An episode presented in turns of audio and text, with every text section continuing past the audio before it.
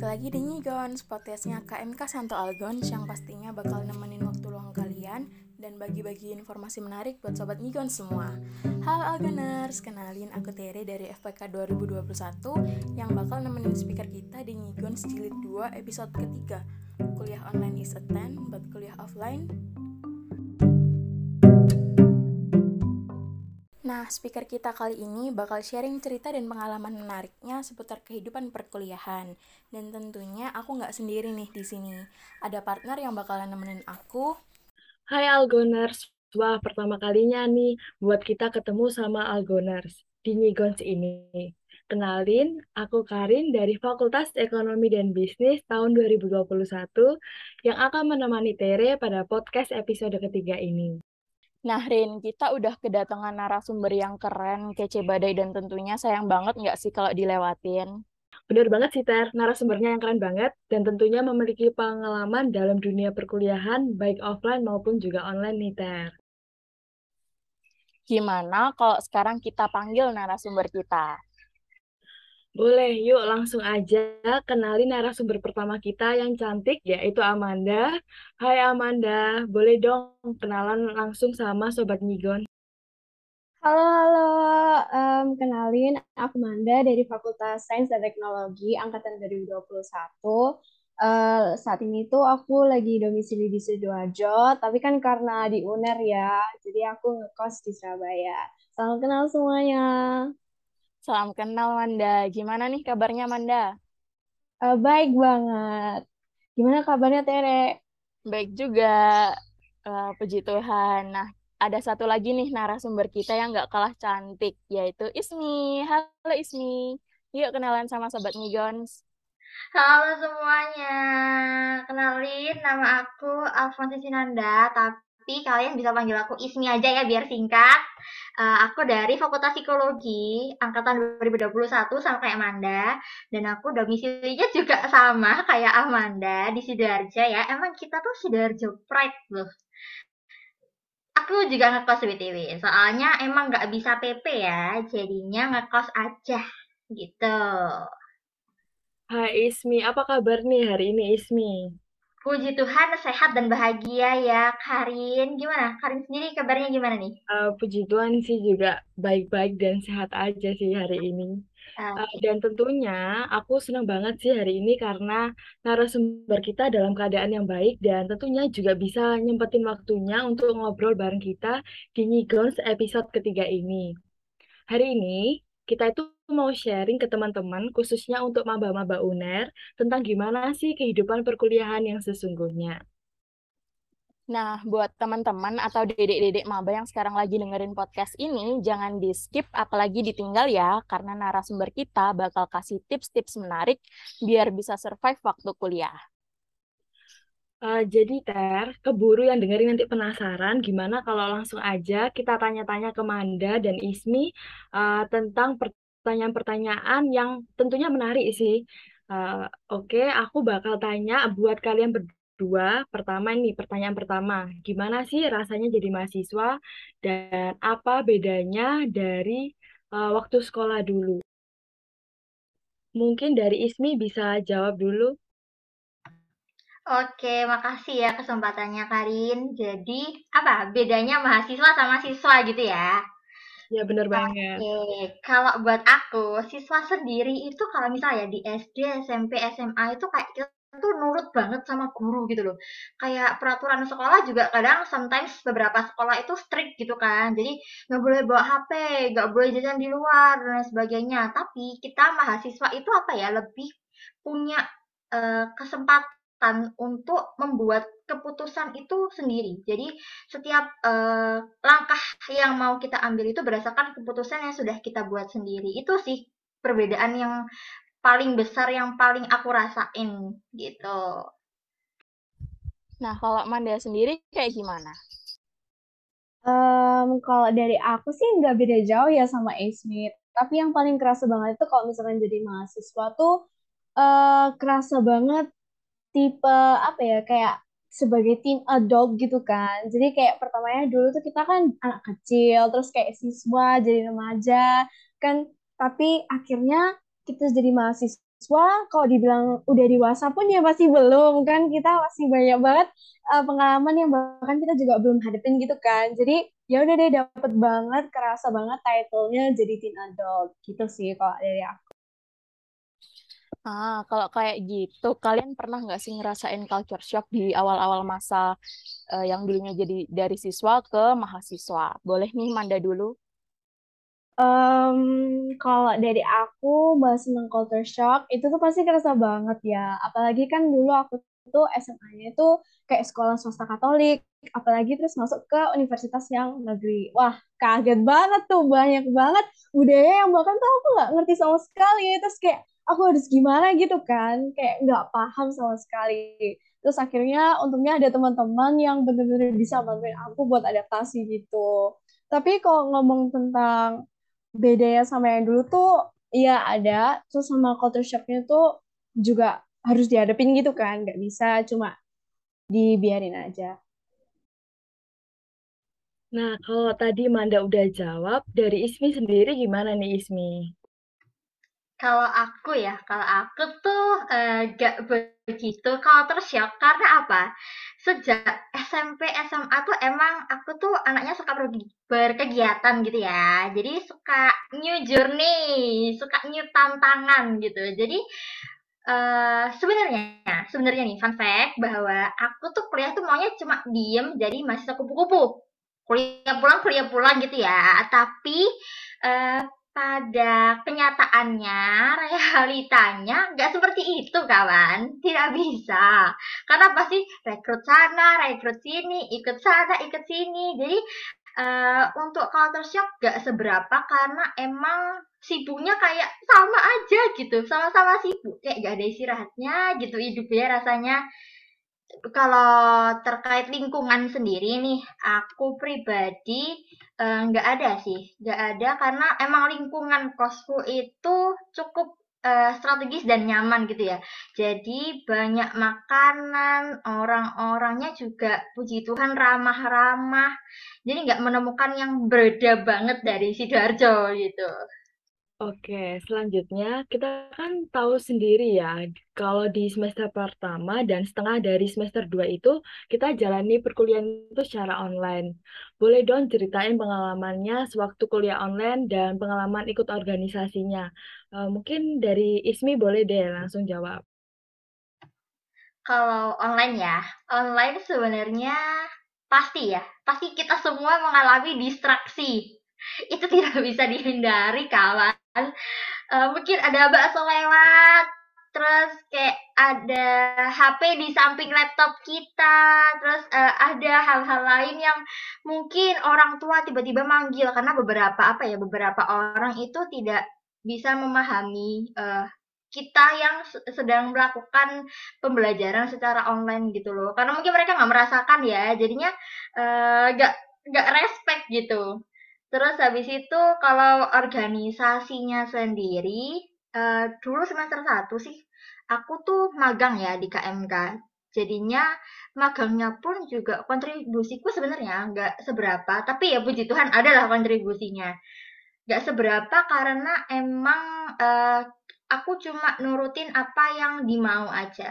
Tapi karena sekarang ya semester 2 uh, eh, yang awal-awal tuh kan kita juga udah join staff KMK dan masih online. Uh, aku ngerasain banget sih kayak kelimpungan proker. Karena benar-benar pertama kali terjun di dunia organisasi kuliah ya waktu kuliah. Itu kayak benar-benar kerasa banget sih. Bikin bingungnya tuh karena online. Nggak ngerti nggak ngerti gimana cara bikin event online gitu sih kalau aku pribadi Nah, kalau dari Manda gimana nih? Oke, kalau dari aku sih nggak beda jauh ya sama Ismi. Yang pertama pasti distractionnya itu yang pertama gitu. Kayak mau ngapain aja tuh distractionnya tuh pasti ada. Dan itu kan ngaruhin banget gitu kan ke jalannya nanti gimana. Tapi kalau dari aku sendiri sih yang paling bikin struggle yang pertama-tama waktu online itu kan karena nggak pernah ketemu sama teman-teman, terus angkatan itu ada berapa banyak pun aku juga nggak tahu kan. Jadi kayak susah banget struggle untuk membangun social skillnya itu. Jadinya kan semester satu tuh aku inget, pokoknya pertama itu gak pede sama sekali untuk ngelakuin apa-apa. Apalagi kan dulu kita kelas 11, kelas 12 itu pun juga pandemi online, nggak ketemu lagi sama teman-teman. Dan itu pun struggle yang pertama, kayak social skillnya nggak kebangun kan habis gitu. Terus akhirnya kayak ikut magang, terus juga ternyata welcoming banget gitu kak kakak tingkatnya juga, terus organisasi yang aku ikut magangin. Terus akhirnya, oh oke okay deh, yuk kita tantang diri sendiri untuk uh, jadi PD dan sebagainya. Dan untuk ngomongin online, sebenarnya tuh ada yang enak juga sih, kayak misalkan kalau online itu tuh bisa ngakuin banyak hal gitu loh. Kayak nggak usah harus pergi ke sana, ke sini, terus apalagi nggak harus pergi kampus kan, apalagi kalau di Sidoarjo harus bolak-balik, bolak-balik, tuh capek tuh. Terus ya udah deh, karena dari itu aku ngerasa oh online enak banget, ya tapi ya itu kayak gitu. Nah terus kalau organisasi nih, uh, tips buat teman-teman atau adik-adik yang lagi dengerin, kalau misalkan mau ikut organisasi, selalu utamakan ketertarikan. Kalau misalkan kalian nggak tertarik sama sekali sama uh, organisasinya, itu tuh nanti bakal capek sendiri. Jadi kayak harus tahu gimana kalian itu kalau misalkan capeknya gimana, burnoutnya kapan. Jadi dari situ tuh biar nggak merugikan diri sendiri atau bahkan orang lain yang kayak kalian harus tanggung jawabin gitu. Jadi kalau mau bilangin tentang online-nya kuliah sama organisasi, uh, kuliah itu bagi aku tuh juga kayak bakal bangun passionku gitu loh. Jadi uh, lebih enak online sih, tapi ya juga kita harus lakukan offline. Terus habis gitu, sedangkan organisasi sendiri itu kayak you learn something new every day kan. Kayak nggak tahu apa-apa, eh ikut organisasi akhirnya tahu. Itu sih dari aku.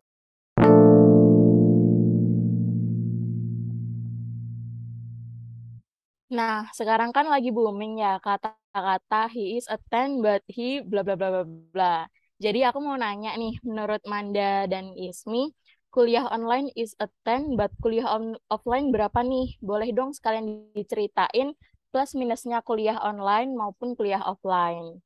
Uh, boleh Manda dulu yang jawab?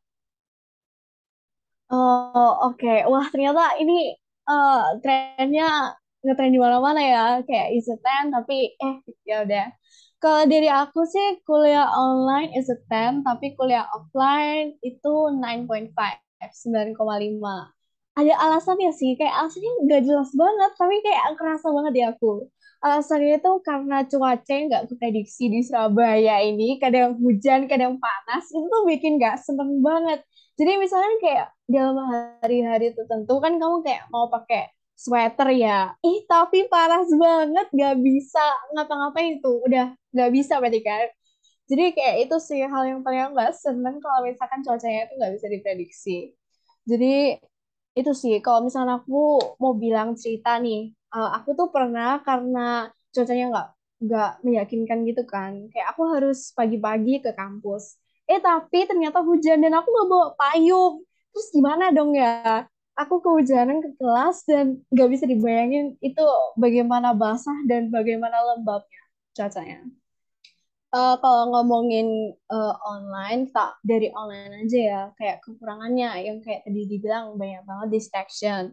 Terus kalau misalkan dari aku sendiri itu ada beberapa hal yang kayak sifatnya kurang engaging gitu loh, kayak aku sama dia sebenarnya tuh temenan, tapi kayak ya susah banget koneksi bikin koneksinya terus habis gitu banyak banget habit-habit yang jelek banget itu kayak muncul kalau misalkan online. Kayak misalkan harusnya dengerin kelas sih eh malah makan karena udah jam udah jamnya atau mending lakuin hal yang lainnya. Jadinya kayak bad habitnya itu muncul-muncul terus.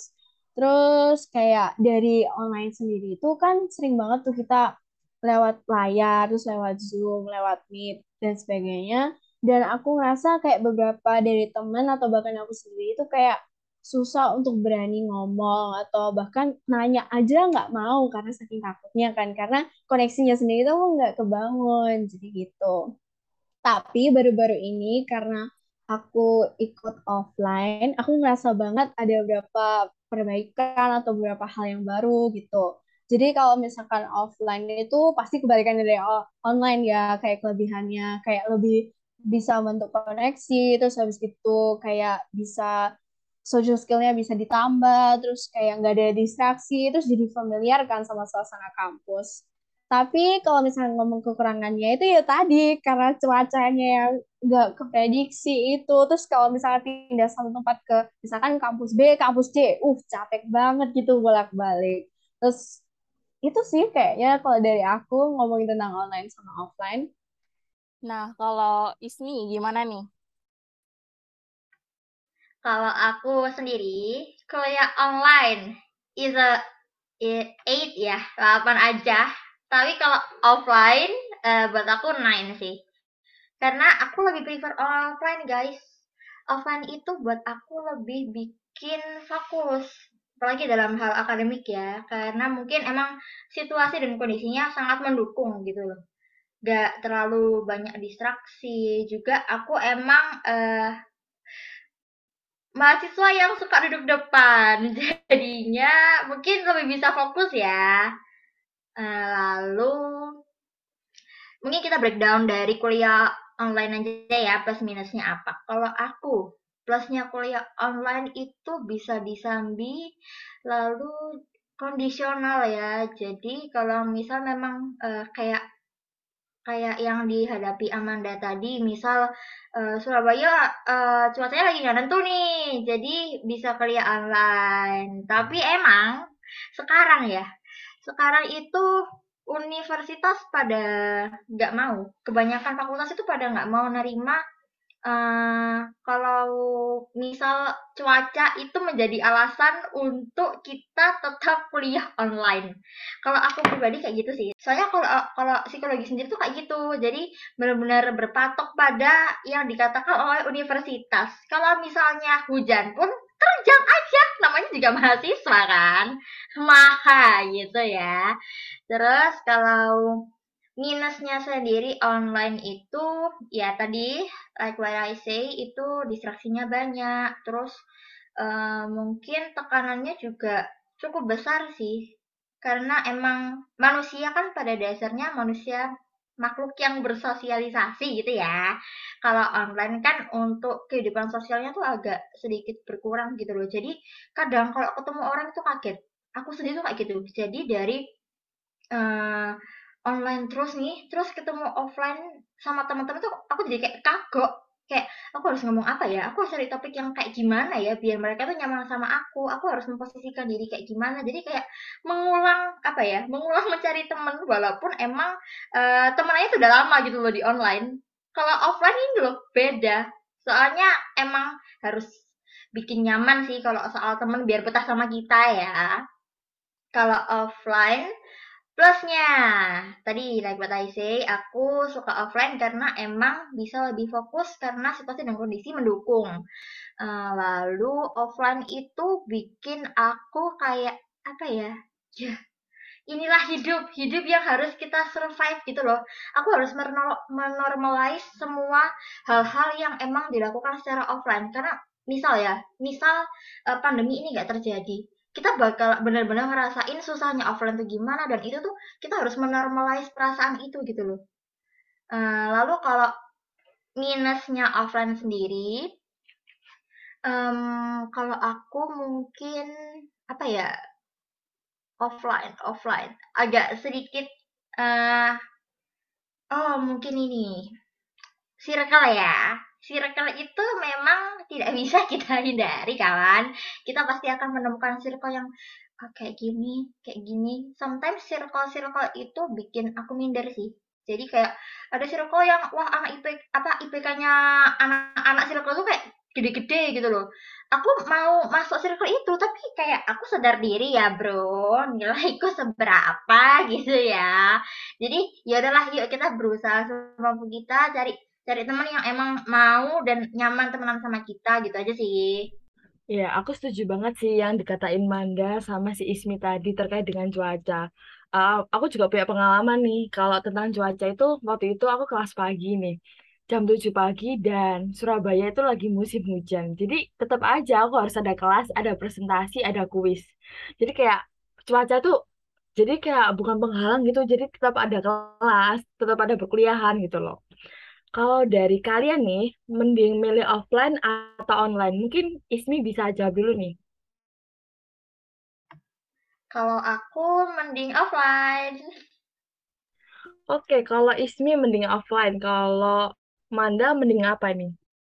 Oh, kalau aku beda banget ya. Aku malah pengen banget bisa kayak dua-duanya gitu, online sama offline. Jadi kayak misalkan uh, presentasi nih offline atau berapa pelajaran yang offline, tapi kayak mungkin ada beberapa juga yang bisa online gitu. Jadi kayak kombinasi dua-duanya gitu, seru pas.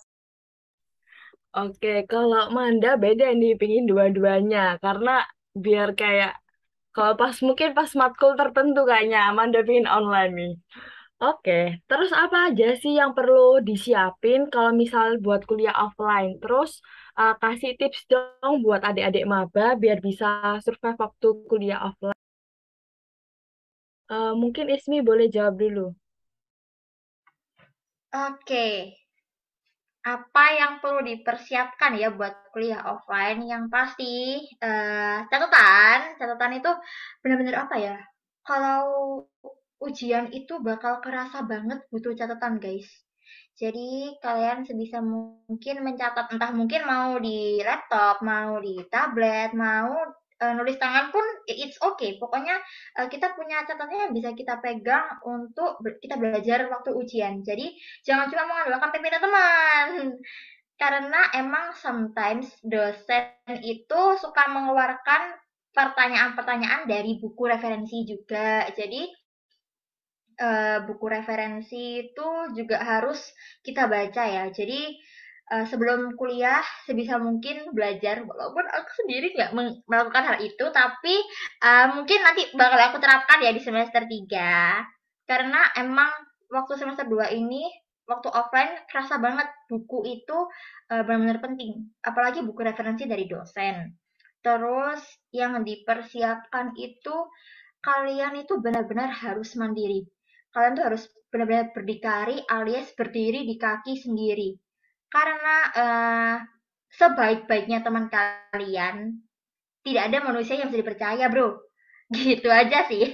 Benar-benar apa ya? Bukannya bukannya mau ngomong kalau anak-anak kuliah itu individu, anak-anak kuliah itu kayak nggak ada nggak ada yang bisa dipercaya satupun, enggak.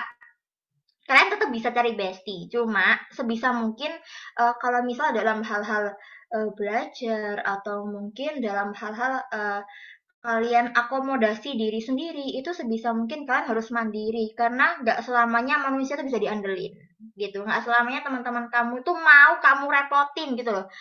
Kalau aku sendiri sih kayak gitu. Terus sama yang disiapin untuk adik-adik maba bisa survive itu itu jangan takut untuk uh, berbicara apa pun yang kalian rasain karena misalnya ya, kalian kontrak kuliah sama dosen. Uh, kalian harus benar-benar mempertimbangkan presentasi presentase kayak nilai UTS berapa, berapa persen, nilai UAS berapa persen, tugas-tugas berapa persen. Dan kalau misal uh, dirasa kayak nggak make sense gitu ya buat kelangsungan dan keamanan nilai kalian itu tuh kalian harus bisa harus berani sih harus berani uh, ngomong ke dosen uh, bu kalau misalnya kayak gini pertimbangannya gimana ya? Kan mungkin bisa kasih saran ke dosennya dan juga mungkin kalian harus cari masa sih biar uh, mendukung uh, opini teman-teman gitu. Udah sih kalau dari aku mungkin itu. Thank you. Nah kalau dari Manda sendiri gimana nih Hmm, kalau dari aku kayaknya aku lebih ngeliat ke arah spiritual banget gitu ya, karena first thing first yang paling utama buat aku itu selalu healthy mind, healthy body. Jadi kayak pokoknya uh, apa secara spiritual juga uh, kayak sehat, terus kayak fisiknya juga sehat, itu bakal dukung banget soalnya. Karena dari keduanya itu sehat-sehat aja, semua keputusan yang ada di luar sana yang harus dibuat atau kayak harus ngapain-ngapain itu kelihatan jelas banget. Terus habis gitu yang kedua uh, tips ini kayak selalu tahu apa yang mau diinginin. Kalau misalkan teman-teman atau adik-adik pada nggak tahu mau apa yang harus lakuin kan kayak wow ini ngapain ya? Kan itu agak kaget banget. Aku harus milih apa? Aku harus milih itu, aku harus lakuin apa? Itu pun juga jadi sesuatu hal yang bisa bikin uh, stres atau overthinking dan itu bener-bener nggak bagus gitu loh. Terus habis gitu uh, kayak Ismi juga bilang dari aku tuh make friends yang sebanyak-banyaknya. Pokoknya cari teman sebanyak-banyaknya. Tapi juga ingat juga kalau misalkan harus mandiri kayak tadi yang Ismi bilang. Memang apa kalau misalkan di perkuliahan itu memang agak susah sih cari teman kayak circle yang bener-bener pas atau bahkan teman yang cuma untuk profesional aja. Ah, itu susah banget. Jadi kalau misalkan memang ketemu teman yang bener-bener pas atau seklik gitu, itu make sure aja kalau misalkan mereka itu bisa diandalin. Terus habis gitu selanjutnya ta ketahui situasi dan juga ketahui orang-orang yang ada di sekitar. Ini nih tips yang bener-bener bisa bantu banget untuk survive. Jadi kalau misalkan kalian kenal sama orang ini atau punya koneksi yang banyak ya, atau bahkan cutting sendiri jadi teman kalian, itu tuh bisa jadi suatu bantuan yang bener-bener bantu banget. Jadi kalau misalnya kalian nggak tahu apa-apa kan bisa tanya. Dan dari tanya itu sendiri pun kalian banyak banget informasi yang bisa kalian dapat dan itu bantu banget untuk ngelakuin sesuatu hal atau bahkan ngelakuin aktivitas apa. Misalkan dari cutting itu bilangnya, oh itu nggak disaranin untuk ngelakuin ini. Oh ya udah kalian ikutin dan coba dilihat lagi, dapat info yang banyak lagi. Apakah itu hal-hal yang benar-benar kayak perlu dilakuin. Dan yang terakhir sih buat aku selalu keluar dari uh, zona nyaman ya. Kayak ini tuh bener-bener kerasa banget kalau waktu kuliah. Pertamanya aku yang nggak nggak pede sama sekali, terus akhirnya keluar dari zona nyaman. Itu tuh benar-benar sesuatu hal yang aku saranin. Kayak dari keluar zona nyam dari zona nyaman itu um, kamu itu jadi terlatih untuk nggak takut sama ketakutanmu sendiri gitu loh kayak menghadapi ketakutanmu itu sendiri jadi kan kayak nothing tulus gitu loh coba dulu dan dari situ kan kalau misalkan hasilnya bagus oh oke okay, hasilnya bagus tapi kalau misalkan enggak jangan buat itu jadi suatu bentuk kegagalan tapi kayak sebuah percobaan gitu itu sih kalau dari aku Wah, kita udah dikasih nih banyak tips survive kuliah offline sama Ismi dan Manda. Buat adik-adik maba, diinget-inget ya. Nah, terakhir nih, kita mau nanya. Tadi sebelumnya udah di-spill kan, kalau Manda dan Ismi dari domisili Sidoarjo yang ngekos di Surabaya. Pastinya lifestyle di rumah dan kos beda ya. Sharing ke kita dong, suka dukanya jadi anak kos dan tips biar bisa jadi anak kos yang tetap happy kyo. Boleh dari Manda dulu? Oke, iya sih ya kalau misalkan jadi anak kos itu harus benar-benar happy kyo, apalagi kayak oke uangnya terbatas banget. Iya sih kalau suka dukanya. Hmm, kalau sukanya sih bisa ngerasain rasanya hidup sendiri ya, kayak uh, karena beda kota, jadi kayak pertamanya satu rumah sama keluarga yang lainnya, terus harus sendirian gitu, kayak ada vibe-nya tersendiri gitu yang kayak bisa dirasain. Tapi kalau dukanya ya itu terbatas banget uangnya.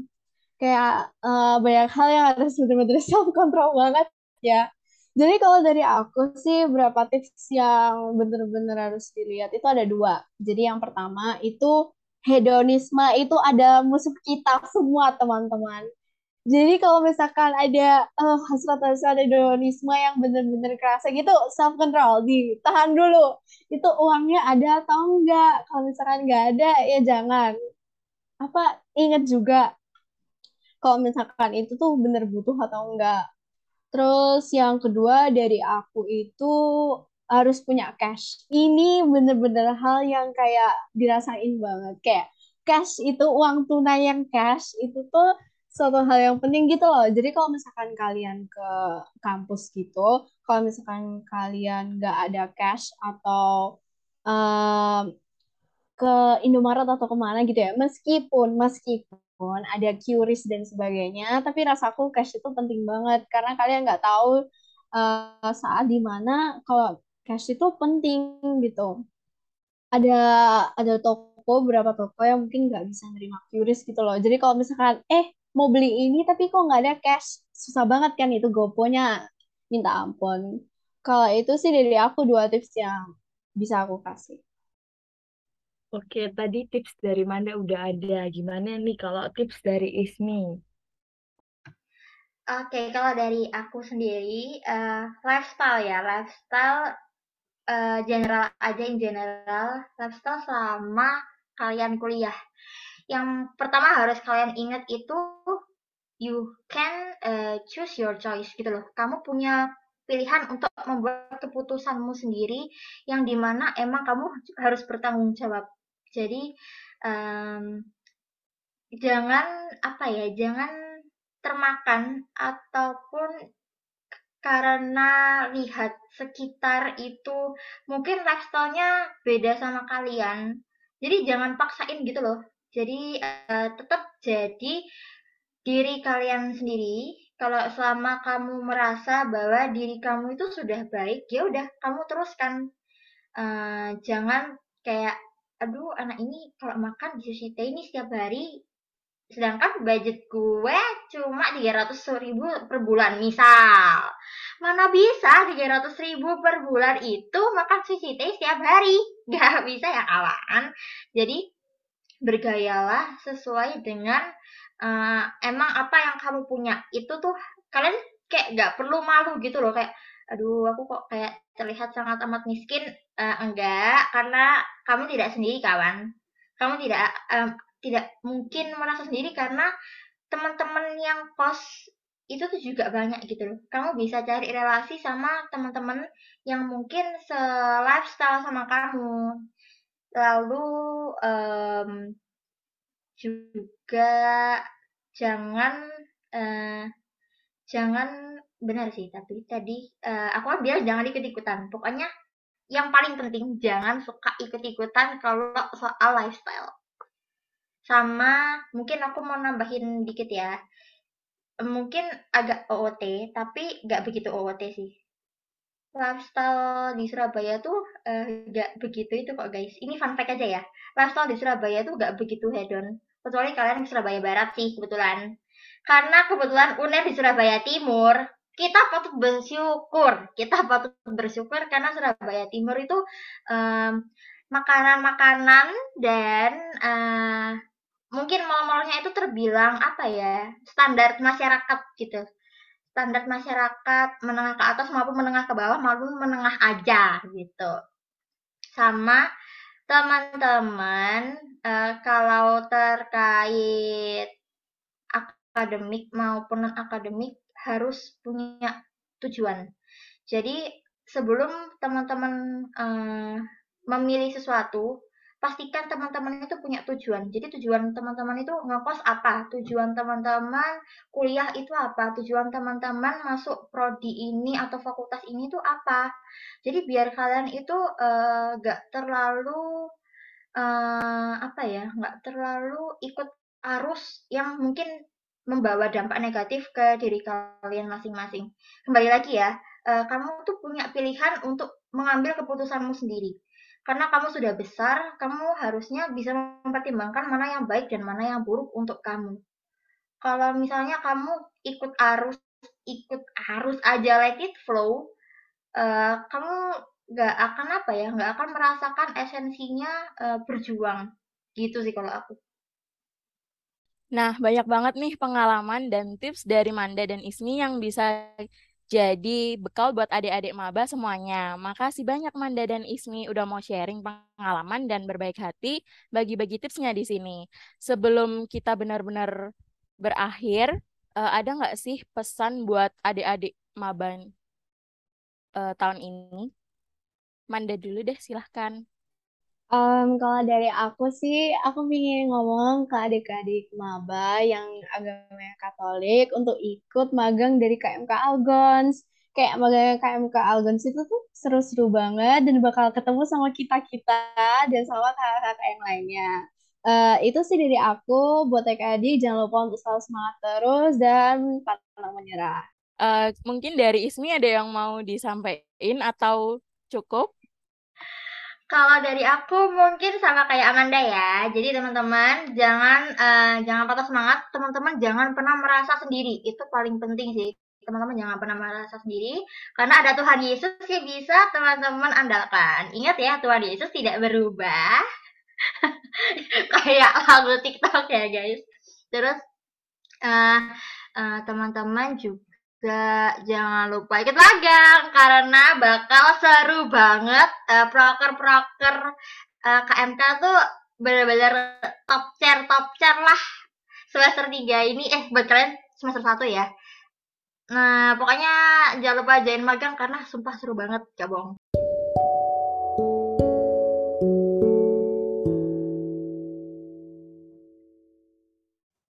Wah, nggak kerasa ini. Kita udah ngobrol banyak banget hari ini. Ya nggak, Ter? Bener banget, banyak banget nih pengalaman dan tips dari Manda dan Ismi yang bisa jadi bekal buat adik-adik maba semuanya. Makasih banyak buat Ismi dan Manda udah mau sharing pengalaman dan berbaik hati bagi tips-tipsnya di sini. Makasih guys. Makasih juga buat Algoners yang udah bertahan untuk dengerin podcast ini sampai habis.